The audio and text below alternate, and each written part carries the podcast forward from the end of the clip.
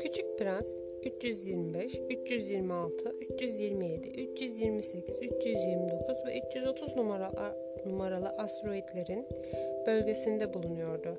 Bir şeyle meşgul olmak ve kendini yetiştirmek için onları ziyaret etmeye başladı. İlk gezegende bir kral yaşıyordu. Erguvan renkli kumaştan ve hermin kürkünden giysiyle çok sade ama yine de krallara yakışan bir tahtın üzerine kurulmuştu. Kral küçük prensi görünce bağırdı. İşte bir vatandaş! Küçük prens de kendi kendine daha önce görmemiş olmasına rağmen beni nasıl tanıyabilir ki diye sordu. Dünyanın krallar için sıradan bir şey olduğundan habersizdi. Herkes onların uyruklarıydı. Kral bir kral olmanın ona verdiği mağrur bir ses tonuyla yaklaş da seni daha iyi göreyim dedi. Küçük prens oturacak bir yer bulmak için çevresine bakındı. Fakat tüm gezegen kralın görkemli kürküyle kaplanmıştı. Böylece de ayakta kaldı. O kadar yorgundu ki esnedi. Bir kralın huzurunda esnemek protokol kurallarına aykırıdır. Senin bunu yapmanı yasaklıyorum, dedi kral. Kendimi tutamıyorum. Uzun bir yolculuk yaptım ve uyumadım, dedi küçük prens çok utanarak. O zaman sana esnemeni emrediyorum. Esneyen birini yıllardır görmedim. Esnemeler benim için merak konusudur. Haydi yine esne. Bu bir emirdir. Küçük prens kıpkırmızı olmuştu. Bu beni korkutuyor. Artık yapamam. Hmm, hmm diye yanıt verdi kral.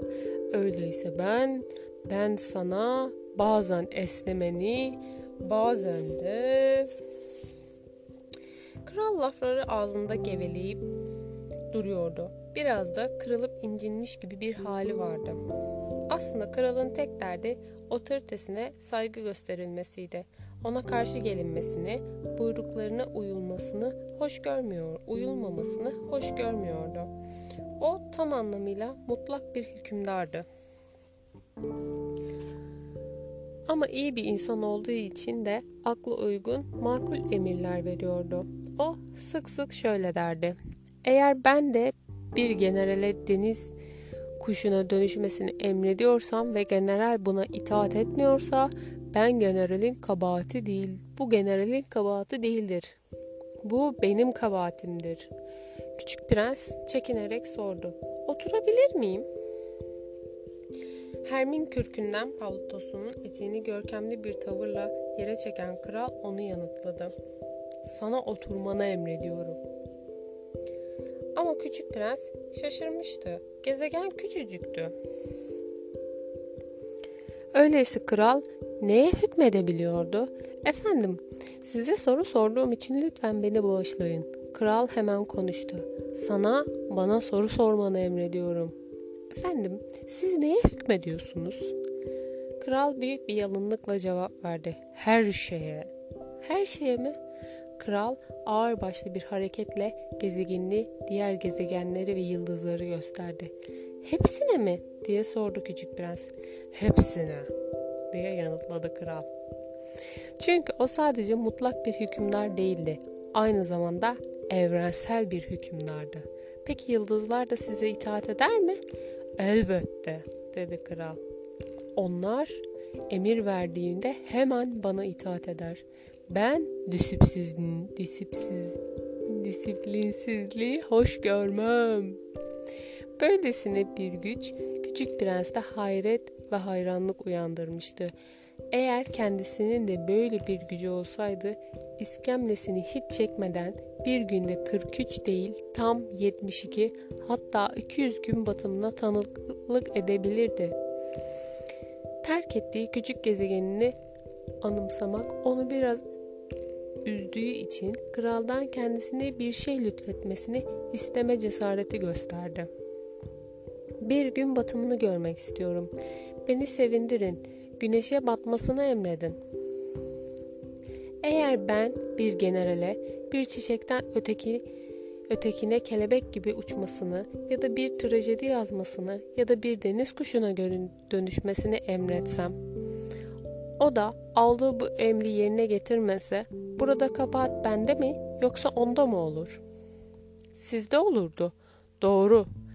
Herkesten verebileceği şeyi istemek gerekir, dedi kral. Otorite önce akla dayanır. Eğer sen halkına denize atlamasını emredersen ihtilal olacaktır. Benim emirlerime uyulmasını isteme hakkım var. Çünkü benim emirlerim makuldür. Bu kez sorduğu soruyu bir daha asla unutmayan küçük prens krala anımsattı. Öyleyse benim gün batımım? Sen gün batımını göreceksin. Bunu emredeceğim ama bekleyeceğim. Benim yönetme ilkelerimin işleyişinde koşulların uygun olması esastır. Küçük prens öğrenmek için sordu. Bu ne zaman olacak? Önce büyük bir takvimi inceleyen kral, hmm, hmm diye yanıtladı. Olacak.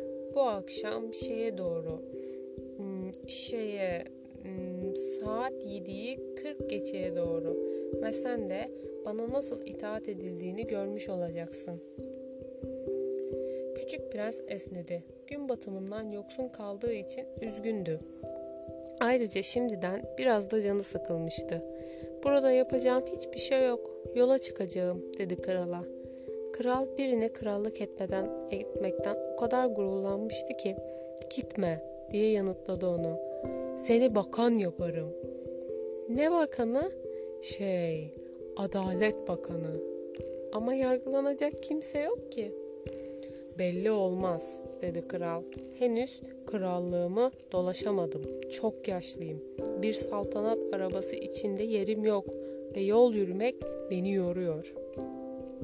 Gezegenin öbür tarafına bir göz atmak için eğilen küçük prens, ama ben daha şimdi gördüm. Orada da kimse yok, dedi. O halde sen kendi kendini yargılayacaksın. Bu çok zordur. Kendini yargılamak bir başkasını yargılamaktan çok daha zordur. Eğer kendini iyi bir şekilde yargılamayı başarırsan bu senin gerçek bir bilgi olduğunu gösterir. Ben nerede olsa kendimi yargılayabilirim. Burada kalmaya ihtiyacım yok, dedi küçük prens. Hmm, hmm, diye mırıldandı kral. Gezegende bir yerlerde yaşlı bir fare var. Bunu çok iyi biliyorum. Geceleri onu duyuyorum. Sen bu yaşlı fareyi yargılayabilirsin. Orada bir ona arada bir ona ölüm cezası verirsin. Böylece de onun yaşamı sana bağlı olur. Ama tasarruf etmek için her seferinde onu bağışlayacaksın. Çünkü ondan sadece bir tane var. Ben ölüm cezasını sevmem ve sanırım gitsem iyi olacak. Hayır, dedi kral. Küçük prens hazırlıklarını tamamlamıştı ama yaşlı hükümdarı üzmeyi de hiç istemiyordu. Eğer kral hazretleri kendisine düzenli bir şekilde itaat edilmesini isteseydi bana makul bir emir verebilirdi. Örneğin bir dakika önce gitmemi emredebilirdi. Koşullar buna uygun görünüyor. Kral hiçbir şey söylemedi. Küçük prens önce tereddüt edip durakladı. Sonra da bir ip çekip yola koyuldu. O zaman kral telaşlanarak bağırdı. Seni elçim yaparım. Bunu söylerken çok otoriter bir tavrı vardı. Küçük prens yoluna devam ederek büyükler de çok tuhaflar dedi kendi kendine.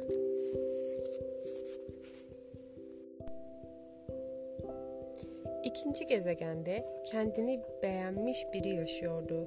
Küçük prense görür görmez uzaktan bağırdı. Aman ne güzel bir hayran ziyareti. Ne de olsa kendini beğenmişlerin gözünde diğer insanlar birer hayrandır. Merhaba dedi küçük prens. Ne tuhaf bir şapkanız var. Bu selamlamak içindir diye yanıtladı kendini beğenmiş.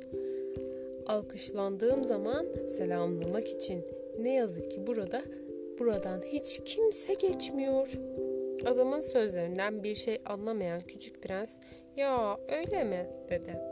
Kendini beğenmiş ellerini birbirine vur diye öneride bulundu. Küçük prens ellerini çırptı. Kendini beğenmiş de şapkasını çıkararak alçak gönüllü bir tavırla onu selamladı. Küçük prens de kendi kendine bu krala yaptığım ziyaretten daha eğlenceli dedi ve tekrar el çırpmaya, kendini beğenmiş de onu tekrar tekrar selamlamaya başladı. 5 dakikanın sonunda küçük prens oyunun tek düzeliğinden sıkılıp yorulmuştu. Şapkanızı başınıza geçirmeniz için ne yapmak gerekiyor diye sordu. Fakat kendini beğenmiş bunu duymadı. Kendini beğenmişler övgülerden başka hiçbir şey duymazlar. Adam küçük prense gerçekten bana çok mu hayransınız? Hayran olmak ne demek? Hayran olmak beni bu gezegenin en yakışıklı, en şık, en zengin, en zeki adamı olarak görmek demektir. Ama bu gezegende sizden başka kimse yok. Olsun, beni sevindir. Yine de bana hayran ol. Küçük prens de omuzlarını sirkelek sana hayranım dedi. Ama bu senin için neden bu kadar önemli ki?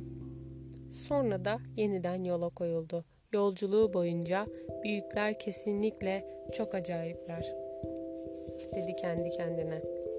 Sonraki gezegende bir ayyaş yaşıyordu. Bu ziyaret çok kısa sürdü. Fakat küçük prens çok üzgün. Üz, fakat küçük prensi çok üzdü. Dolu ve boş şişelerden oluşan bir yığının önüne sessizce kurulup oturmuş bir ayyaşa "Burada ne yapıyorsun?" diye sordu. Ayyaş onu iç karartıcı bir havada yanıtladı. "İçiyorum." "Neden içiyorsun?" "Unutmak için." yanıtını verdi Ayyaş. Onu gördüğü andan itibaren acıma duygusuna kapılan küçük prens kaygılandı. Neyi unutmak için? Ayyaş başını eğerek itiraf etti. Utancımı unutmak için. Yardımcı olup onu bu durumdan kurtarmak isteyen küçük prens, "Neyin utancı?" diye sordu. Mutlak bir sessizliğin içinden gömülmek isteyen Ayyaş, "İçmenin utancı." diye kestirip attı. Küçük prens şaşırıp kalmış bir halde yola koyuldu. Yolculuğu boyunca büyükler kesinlikle çok ama çok acayipler diyordu kendi kendine. Dördüncü gezegen bir iş adamının adamınındı. Bu adam o kadar meşguldü ki küçük prens geldiğinde başını bile kaldırmadı. Merhaba dedi küçük prens. Sigaranız sönmüş. Üç, iki, daha beş eder.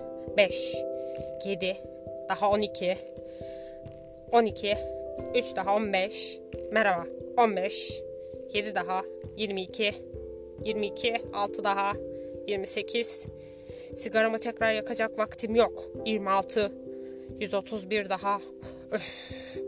Bu da 500 milyon bir 622 bin 731 ediyor. 500 milyon ne? diye sordu küçük prens. Ne? Sen hala burada mısın? 500 milyon. Artık bilmiyorum. O kadar işim var ki. Ben ciddiyim. Saçma sapan işlerle oyalanamam. 2, 5 daha 7, Hayatında bir kez bile sorduğu sorudan asla vazgeçmemiş olan küçük prens tekrar etti. 500 milyon ne? İş adamın başını kaldırdı. 54 yıldan beri bu gezegende yaşıyorum. Bu süre içinde sadece 3 kez rahatsız edildim. İlki bundan 22 yıl önce inen bir şaşkın tarafından. Nereden geldiğini de Allah bilir.'' Korkunç gürültüsü yüzünden bir toplama işleminde dört tane yanlış yaptım. İkincisi ise 12 yıl önceki bir romatizma ağrısı yüzünden. Bedensel çalışmadan yoksun kaldım. Aylak aylak dolaşacak vaktim yok. Ben ciddiyim. Üçüncüsü işte şimdi. 500 milyon diyordum. 500 milyon ne? İş adamı huzura kavuşma ümidinin kalmadığını kesin olarak anlamıştı.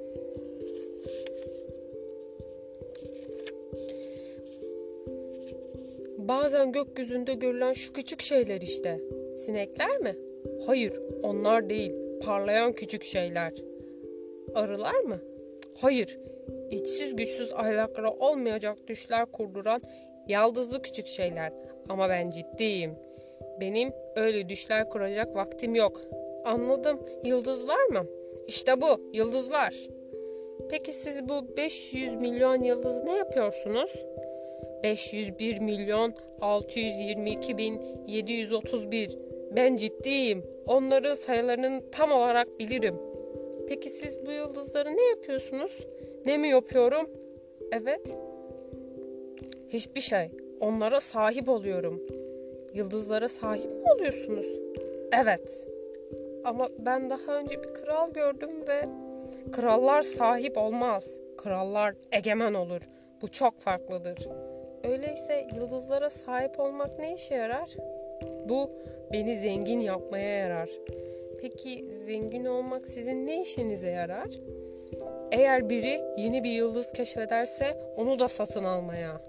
Küçük prens kendi kendine bu da benim ayrışım gibi düşünüyor biraz dedi. Ama soruları sormayı da sürdürdü. Yıldızlara nasıl sahip olunur? İş adamı hırçın bir tavırla hemen karşılık verdi. Onlar kimindir sence? Bilmiyorum. Hiç kimsenin. Öyleyse onlar benimdir. Çünkü bunu ilk kez ben düşündüm. Bu onlara sahip olmaya yeter mi? Elbette. Hiç kimseye ait olmayan bir elması bulduğunda o senindir. Bir fikir ilk defa senin aklına geldiyse onun patentini alır, üzerine kaydettirirsin. O senindir. Madem ki benden önce hiç kimse onlara sahip olmayı düşünemedi, öyleyse yıldızlara ben sahip olurum. Bu doğru, dedi küçük prens. Peki sen onlara ne yapıyorsun? Ben onları yönetiyorum. Onları sayıyorum ve tekrar sayıyorum. Bu zor ama ben ciddi bir adamım. Küçük prens yine de tatmin olmamıştı. Eğer benim bir atkım varsa onu boynuma dolayabilirim ve alıp götürebilirim. Ama sen yıldızları yerlerinden koparıp alamazsın ki. Evet ama ben onları bankaya yatırıyorum. Bu ne demek oluyor? Bu şu demek oluyor. Ben yıldızlarımın sayısını küçük bir kağıda yazıyorum. Sonra da bu kağıdı bir çekmeceye koyup kilitliyorum. Peki hepsi bu mu? Bu yeter. Küçük prens bu eğlenceli, oldukça da şiirsel ama pek de önemli değil diye düşündü. Önemli işler konusunda büyüklerinkinden çok farklı düşünceleri vardı. Bu defa şöyle dedi. Benim her gün suladığım bir çiçeğim var. Her hafta kurumlarını temizlediğim üç yanardağım var. Sönmüş olanının kurumunu da temizliyorum. Ne olur ne olmaz. Bunlar yanardağlarım için yararlı, çiçeğim için yararlı ama siz yıldızlar için yararlı değilsiniz. İş adamı konuşmak için ağzını açtı ama cevap verecek hiçbir şey bulamadı. Ve bunun üzerine küçük prens yola koyuldu. Yolculuğu boyunca kendi kendine büyükler tümüyle acayipler diyordu.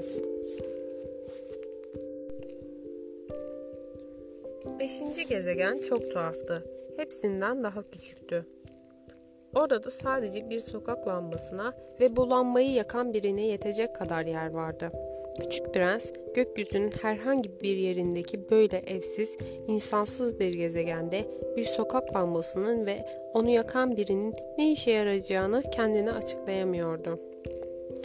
Bu saçma sapan biri bile olsa yine de kraldan, kendini beğenmişten, iş adamından ve ayyaştan daha saçma olamaz. Hiç olmazsa onun yaptığı işin bir anlamı var. Sokak lambasını yaktığında ya bir yıldızı ya da bir çiçeği ortaya çıkarıyor.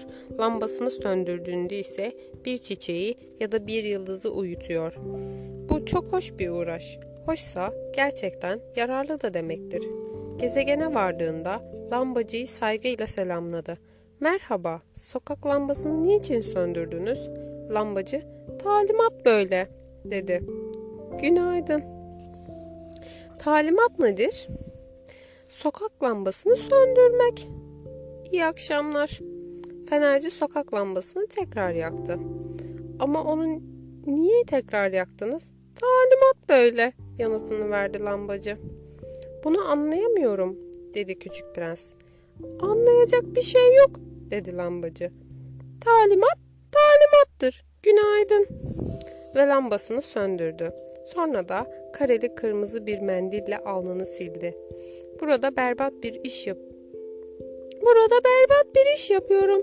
Eskiden daha makul bir işti. Sabahları söndürüyor, akşamları yakıyordum. Gündüz dinlenmek, akşam da uyumak için vaktim oluyordu. Peki o zamandan bu yana talimat mı değişti? Talimat değişmedi. Zaten acıklı tarafı da bu. Gezegen yıldan yıla giderek daha hızlı döndü. Talimat ise değişmedi. Peki sonra? Sonra şu gezegen şu anda dakikada bir kez dönüyor ve böylece benim de artık dinlenecek saniyem bile yok. Dakikada bir onu yakıp söndürüyorum. Bu çok tuhaf. Sizin orada günler bir dakika sürüyor. İşte tuhaf değil. Sonu konuş seninle konuşmaya başladığımızdan bu yana bir ay geçti. Bir ay mı? Evet, 30 dakika, 30 gün. İyi akşamlar. Ve lambasını tekrar yaktı. Küçük prens ona baktı ve talimata böylesine sadık kalan bu lambacıyı sevdi. Bir zamanlar iskemlesini çekerek izlediği gün batımlarını anımsadı. Dostuna yardım etmek istedi. İstediğiniz zaman dinleyeceğiniz bir yöntem, dinleneceğiniz bir yöntem biliyorum. Ben bunu hep isterim dedi lambacı. Çünkü insan aynı zamanda hem işine bağlı hem de tembel olabilir. Küçük Prens açıklamasını sürdürdü. Sizin gezegeniniz çevresi 3 adımda dolaşılacak kadar küçük. Hep gün ışığı altında kalmak için yeterince yavaş yürümelisiniz. Dinlenmek istediğiniz zaman da yürüyeceksiniz. Böylece de gün dilediğiniz kadar uzun sürecek. Bunu yapmak bana büyük bir şey kazandırmaz ki, dedi lambacı. Benim hayatta en sevdiğim şey uyumaktır. Buna olanak yok, dedi küçük prens. Buna olanak yok, dedi lambacı. Günaydın ve lambasını söndürdü. Küçük prens de yolculuğuna daha uzaklara doğru devam ederken kendi kendine şöyle dedi. Diğerlerinin tümü kral, kendini beğenmiş, ayyaş, iş adamı bu lambacıyı görüp tanısalardı onu küçümseyip aşağılayacaklardı. Oysa bana güç gelmeyen bir tek oydu. Bunun nedeni belki de onun kendisinden başka bir şeyle meşgul olmalısıdır. Üzüntüyle iç çekti ve yine kendi kendine şöyle dedi. Oradaki dostum olabilecek tek kişi ama gezegeni o kadar küçük ki iki kişiye yer yok. Aslına bakarsanız küçük prensin kendini itiraf etmekten çekindiği bir şey vardı. Bu gezegenden ayrılarak sadece 24 saatte 1440 gün batımını izleme fırsatını kaçırmıştı. Altıncı gezegen 10 kat daha geniş bir gezegendi. Burada kocaman kitaplar yazan yaşlı bir adam yaşıyordu. Küçük prensi görünce bağırdı. Al bakalım işte bir kaşif. Küçük prens masanın üstüne oturdu ve biraz soluklandı. O kadar yol kat etmişti ki. Nereden geliyorsun diye sordu yaşlı adam. Küçük prens ona yanıt vermek yerine bu kocaman kitap da ne? Burada ne yapıyorsunuz diye sordu. Ben coğrafyacıyım dedi yaşlı adam. Bir coğrafyacı nedir? O denizlerin, nehirlerin, şehirlerin, dağların ve çöllerin nerede olduklarını bilen bir bilgedir. Bu çok ilginç dedi küçük prens. Nihayet gerçek bir meslek. Sonra da coğrafyacının gezegenine bir göz attı. Şimdiye kadar böylesine görkemli bir gezegen görmemişti. Gezegeniniz çok güzel. Okyanuslar var mı? Onu bilemem dedi coğrafyacı. Demek öyle. Küçük prens düş kırıklığına uğramıştı. Peki ya dağlar? Onu da bilemem dedi coğrafyacı. Peki ya şehirler, nehirler ve çöller? Onu da bilemem dedi coğrafyacı. Ama siz coğrafyacısınız. Bu doğru ama ben kaşif değilim. Gezegenimde de hiç kaşifim olmadı. Bütün bu şehirleri, nehirleri, dağları denizleri, okyanusları ve çölleri sayıp hesabını tutacak olan coğrafyacı değildir. Coğrafyacı aylak aylak gezip tozmayacak kadar önemli biridir. O çalışma odasını terk etmez. Kaşifleri de orada kabul eder. Onları sorular sorar ve onların anlattıklarını kaydeder. Eğer aralarında birinin anlattıkları ona ilgi çekici gelirse o kaşifin ahlaka hakkında bir araştırma yaptırır. Bunu neden yaptırır? Çünkü yalan söyleyen bir kaşif coğrafya kitaplarında felaketlere neden olur. Çok içki içen bir kaşif de bu nasıl olur? Çünkü ay yaşlar çift görür. Orada sadece bir dağ varken coğrafyacı onu iki dağ olarak kaydeder. Ben kötü kaşif olacak birini tanıyorum. Bu mümkün.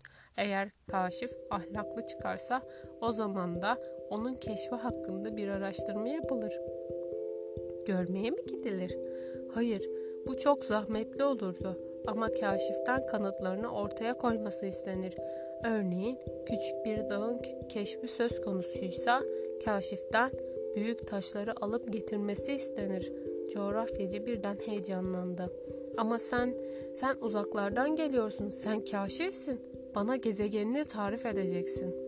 Coğrafyacı bunu söyledikten sonra kayıt defterini çıkarıp kurşun kaleminin ucunu açtı. Kaşiflerin anlattıkları önce kurşun kalemle yazılırdı. Mürekkep kayda geçirilmesi için kaşiflerin kanıtlarını sunması beklenirdi. Haydi öyleyse, dedi coğrafyacı. Peki benim yaşadığım yer o kadar da ilginç değil. O çok küçük. Benim üç tane yanardağım var. İkisi etkin, biri de sönmüş bir yanardağ. Ama ne olur ne olmaz. Ne olur ne olmaz dedi coğrafyacı da. Benim bir de çiçeğim var. Biz çiçekleri kaydetmeyiz dedi coğrafyacı. Ama neden? O kadar güzel ki. Çünkü çiçekler gelip geçicidir. Gelip geçici de ne demek? Coğrafya kitapları bütün kitaplar içinde en değerli olanlarıdır. Onlar geçerliliklerini daima korur. Bir dağın yer değiştirmesi çok ender görülen bir şeydir. Bir okyanusun suyunu boşaltması da. Biz sonsuz olan şeyleri yazarız. Küçük prens coğrafyacının sözünü kesti. Ama sönmüş yanardağlar yeniden lav püskürtebilirler. Gidip geçici de ne demek? Yanardağlar sönmüş ya da tekrar aktif hale gelmiş de olsalar bu bizler için aynıdır. Bizim açımızdan önemli olan dağdır. O değişmez. Hayatında bir kez bile sorduğu sorudan asla vazgeçmeyen küçük prens tekrar sordu. Ama gelip geçici de ne demek? Bu yakında ortadan kaybolma tehlikesiyle karşı karşıya olmak demektir. Benim çiçeğim yakında ortadan kaybolma tehlikesiyle karşı karşıya mı? Elbette.